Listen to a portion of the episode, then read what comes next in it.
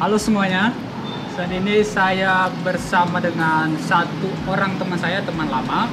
Dan ini saya ingin mendengarkan atau uh, Bang Andi ini akan memberikan kesaksiannya bagaimana perjalanannya sampai sekarang bisa menjadi pendeta di usia yang muda. Usia Bang berapa sekarang? 28 28 tahun sudah memutuskan untuk menjadi seorang hamba Tuhan. Dan saat ini saya ingin mendengarkan kesaksian Bang ini, Abang ini, bagaimana perjalanannya dari awal sampai sekarang jadi hamba Tuhan. Di monggo Bang. ya Perkenalkan dulu nama lengkap. perkenalan bang ya Ya, nama Iya. lengkap. Anak keberapa? Iya. ada pepatah mengatakan tak kenal maka Iya. tak sayang ya bang ya Iya. tetapi kita bagi yang iman kita Kristen kenal maka tak kenal tak sayang karena itu dari kasih daripada Tuhan ya nama saya cukup unik bang Ah. Nah, ada dua makna nih ada makna rohani makna dunia nah, abang mana dulu nih? Makna dunia dulu. Oh iya ya. Iya. Taunya pas ada perubahan dari yang tidak baik menjadi baik bang ya. Iya. Dari dunia ke rohani dulu ya. Betul, betul. Mana dunianya? Ya. Nama saya diambil ya mungkin orang tua saya juga mungkin nggak tahu ya sejarah dari nama ini. Jadi kalau kita di Sulawesi sana bang, ya Sulawesi khususnya orang Bugis, jadi mereka ada nama dikasih baik itu laki-laki perempuan dikasih nama itu yaitu Andi. Ya, Andi itu ada sejarahnya. Jadi Andi itu nggak semua orang dikasih, boleh dikasih nama tuh bang. Oh. Jadi Andi itu memiliki sejarah adalah orang yang turunan dari bangsawan atau darahnya turunan darah biru katanya. Oh. Tapi darah saya tetap merah nih bang ya. Ya itu cuma istilah saja ya. Ya, istilah, itu istilah. Andi. Baru nama lengkap saya. Kalau abang tahu penyanyi legi, legenda, legendaris ya, da almarhum, yaitu Dedi Dores. Jadi Dores. ya, Jadi Dedi diambil namanya Dores saja. Dores. Jadi Andi Dores. Oh. Jadi waktu orang tua dalam mengandung saya ya, dia penggemar sama Andi Dores. Oh. Jadi Doresnya diambil. Ya, Andi Dores dan saya menurut abang orang apa nih bang? Suku Sukunya. apa? Suku apa nih? Batak. Abang ini karena orang lama ya udah kenal Udah ya. tahu juga dari ma- Kalau dulu teman saya waktu saya kuliah karena di Nemtek saya ya, di saya saya nggak ada marga karena dari Izaya SD bang, nggak ada Oh. marga jadi cuma Andi Dores. Andi Dores saja. Nah, dikira Oh. orang saya orang Sulawesi, Sulawesi. orang Bugis, Oh, orang gitu. Bugis. Saya orang suku Batak asli, jadi marga saya kalau dari dunia ya, orang kaya itu apa artinya bang? Murah. Ah, ya Momora, Sinomora. ya itu makna dunia. Andi dari bangsawan dan Dores dari penyanyi, ya. Baru Simamora kayak harta lah. Itu dari makna dunia ini. Tapi saya bersyukur ya, sering berjalan waktu, saya pengalaman saya dan orang tua saya kaget juga bang. Ah. Ada juga makna rohaninya. Ah, waktu saya sharing sama orang tua, orang tua pun kaget dan tidak terpikirkan ke sana. Ah. Ya. Jadi sebelum tamat dari sekolah tinggi perikanan tahun 2013 ada ibu rohani saya bang. Jujur waktu dari saya apa tidak pernah baca buku rohani ya kecuali waktu Ah, SD ya iya, iya, iya. baca buku pendidikan agama Kristen ya. Ah. Nah, kalau buku apa renungan buku rohani demikian tidak pernah lah. Jadi ibu rohani saya memberikan kenang-kenangan lah, kenang-kenangan cindera mata sebelum saya tamat. Ini, ini tidak ada yang bisa ibu bagikan, tapi ada satu buku tentang misiologi, misiologi. Dan di belakang buku ini saya melihat ada namanya penerbit bukunya penerbit buku Andi. Oh. Andi itu ada singkatannya bang. Ah. Antu anak, Ah. D itu Didi, Ah. itu Immanuel. Oh, oke. Anak Didi Immanuel. Oh. Ya, itu makna rohani pertama Oke. an- dari Andinya. Ah. Dan Dores ada makna rohani juga.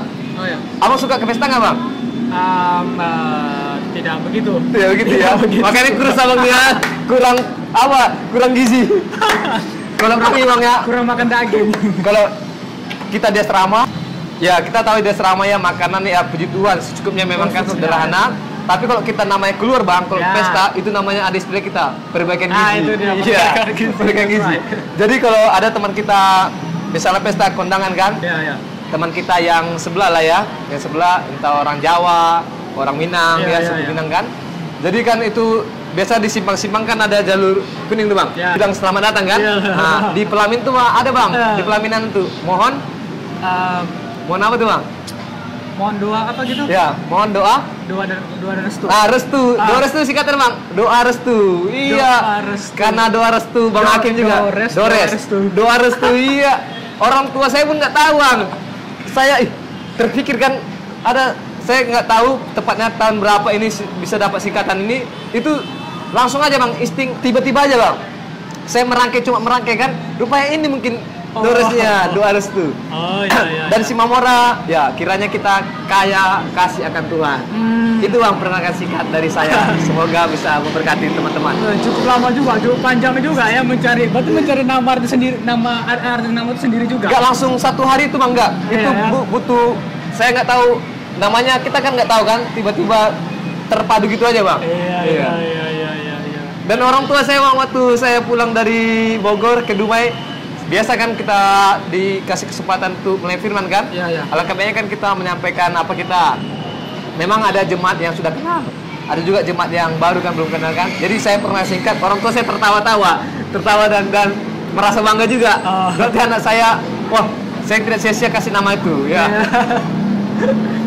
Oke, itu udah perkenalan nama. eh, perkenalan nama ya. Selanjutnya uh, seperti uh, judul kita tadi, bagaimana Bang bisa jadi uh, seorang hamba Tuhan dan memutuskan menjadi uh, sepenuh waktu ya atau Ya. kata lainnya full timer sebagai hamba Tuhan dan melayani di gereja. Iya. Bagaimana sih ceritanya? Apakah da- dari sejak kapan bisa mau atau memutuskan untuk melayani Ya. atau mungkin itu karena satu apa ya satu kejadian ada juga orang menjadi hamba Tuhan karena satu kejadian ada juga yang dari dari dulunya dari muda dari remaja udah mau kalau Ya. abang bagaimana Ya, terima kasih Bang. Sebelum saya menyampaikan lebih dalam lagi apa jadi pengalaman saya, saya akan membukanya dengan satu apa Bang ya, perumpamaan lah atau peribahasa demikian. Walaupun kita kadang ibarat kita ini ibarat layang-layang Bang. Terkadang kita kan mengulur-ulur kan? Ya, ya, ya. Tetapi Tuhan akan tarik juga. Ya, ya. Mungkin demikianlah perjalanan hidup saya sampai sekarang ini. Terkadang saya mengulur tapi Tuhan akan tarik juga menjadi anaknya juga. Saya harus menjadi alatnya lah ya, alatnya di ladang misi Tuhan. Ya. Jadi saya punya kerinduan Bang waktu tamat SMA, tamat Oh. SMA dan Bang Hakim juga menjadi orang tu, orang tua dari Bang Hakim, Amang Pendeta Sinaga yang gembala sidang kami di GPT, Gereja Pentekosta Tabernakel di Bundaran. Dan di situ waktu saya mau tamat, saya punya kerinduan untuk mau sekolah teologi ya, Tuhan. Dan saya sharing kepada Amang, Amang mendiang ya, ya mendiang saya Ah, orang tua Bang Hakim iya iya dan Amang tuh memberikan dukungan secara moral, memberikan nasihat dan Amang tuh mendukung. Dan singkat cerita, saya ceritakan sama orang tua saya kerinduan saya untuk menjadi hamba Tuhan. Dan orang tua saya pada saat itu belum setuju, Bang. Ah, ya, ya. belum setuju. Dengan alasan ada juga ya, alasan jangan orang tua saya pesan demikian. Jangan kamu hanya bisa berkata-kata di depan mimbar, tapi gak kamu imani dan tidak sesuai dengan tindakan kamu lah. Iya. Dan saya di situ bang, jujur bang, situ saya menangis. Saya menangis, saya merengek-rengek sama orang tua. Tapi orang tua bagaimana lah kita kan supaya dikabulkan Ya, kita. dikabulkan. Tapi orang tua juga masih saat itu belum menyetujui bang. Nah, cerita kan saya butuh juga bang.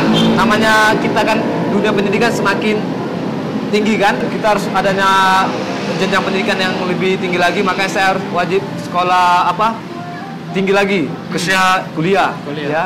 Jadi memang target pertama saya bang, memang basic saya dulu SMA SUPM, Sekolah Usaha PK Menengah di Patimura bang. oh Pak Timo. Nah, jadi target saya waktu itu udah memang mau sekolah tinggi perikanan, tingkat universitas bang ya, kampus di Jakarta pusatnya. Dan saya punya ada cadangan juga bang ya, kita kan pasti ada wanti-wanti juga ya, Iya. seandainya nggak lulus sih. Dan saya mau coba akpol bang, akpol, Akademi Kepolisian di Jawa ya. Jawa. Nah, entah tidak tahu kenapa pada saat itu ijazah kami nggak terima, tapi ada kakak kelas yang sudah dari basic perikanan bisa terima, tapi mungkin itulah bukan bukannya rencana Tuhan mungkin bang ya.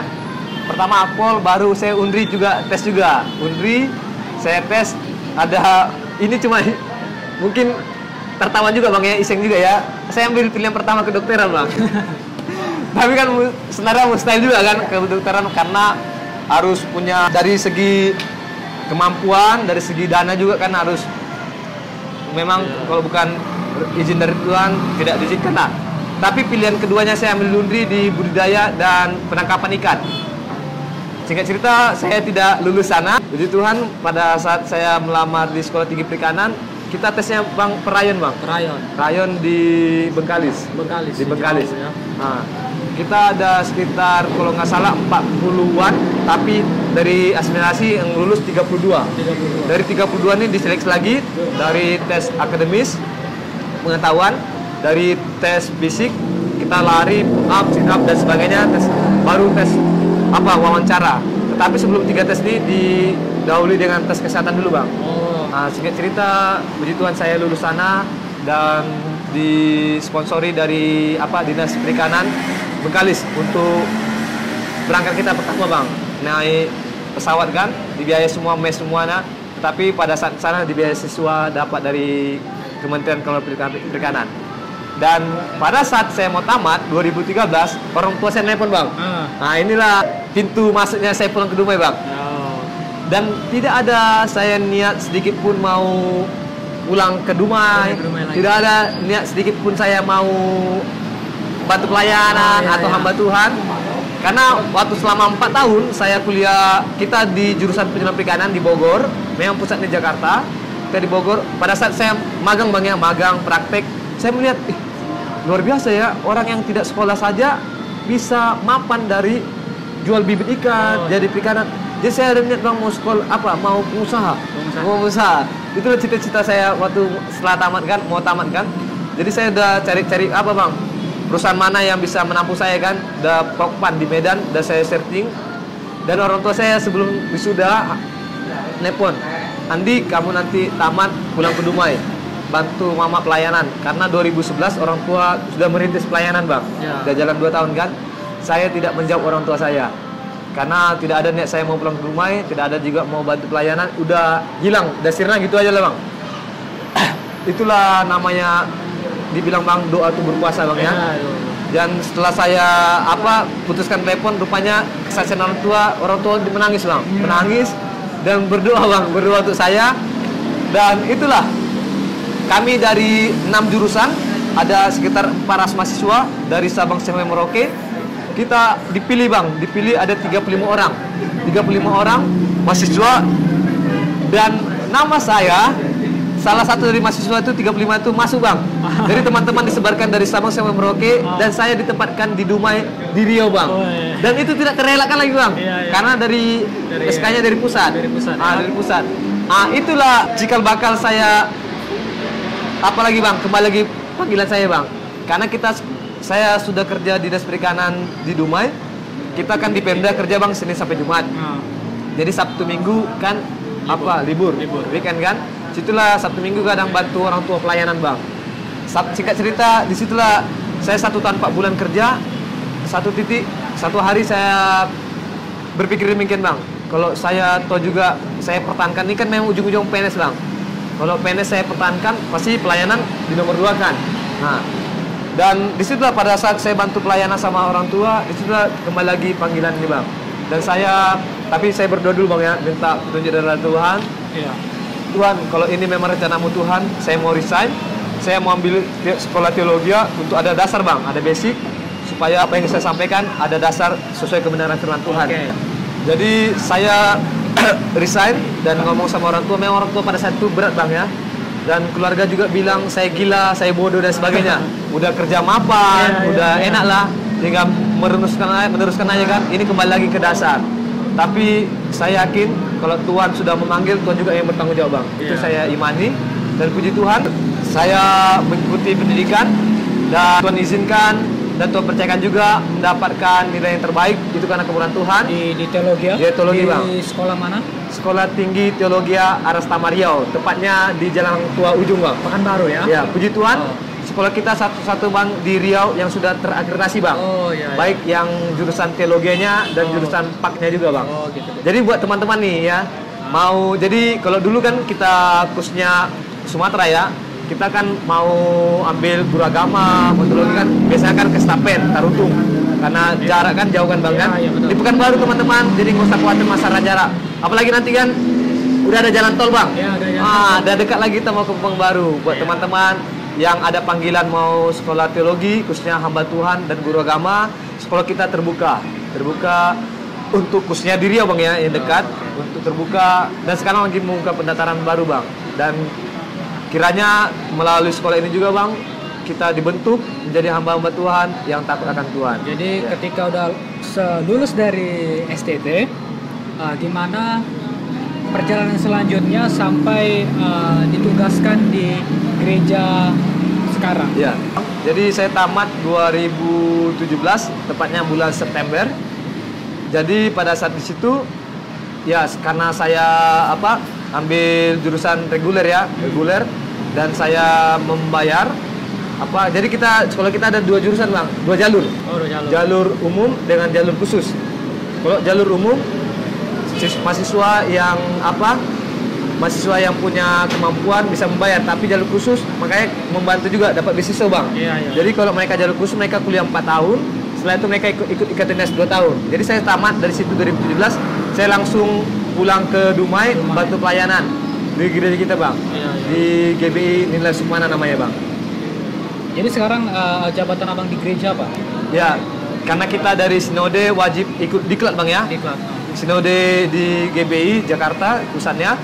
Jadi 2018 kemarin saya ikut diklat di Pekanbaru itu ada tes apa ya tertulis dan ada juga nanti dapat rekomendasi dari pendeta pembina bang pendeta Oh. pembina dan puji Tuhan saya apa lulus apa jabatan PDP namanya Jadi sekarang abang ini PDP atau PDM? PDP Oh masih PDP. Ah, pendeta perdana ya dulu pembantu bang sekarang perdana Perdana. Oh, Ah, jadi empat tahun kemudian empat tahun kemudian itu baru di, PDM. Di tahun berapa itu nanti? 2022 Oh di tahun 2022 akan menjadi PDM. ya PDM Pendeta muda ya dalam Iya. jabatan gereja abang ya. memang dulu bang kalau tamat dari sekolah teologi kita yang sudah gelar STH dulu memang otomatis jadi PDM Iya iya. karena pada saat itu melihat di lapangan juga banyak yang tamatan STH ini mereka udah langsung dilatih jadi PDM Iya. karena tetapi tidak sesuai dengan bidang masing-masing Oh, gitu. mereka di luar jalur Oh, jadi karena itu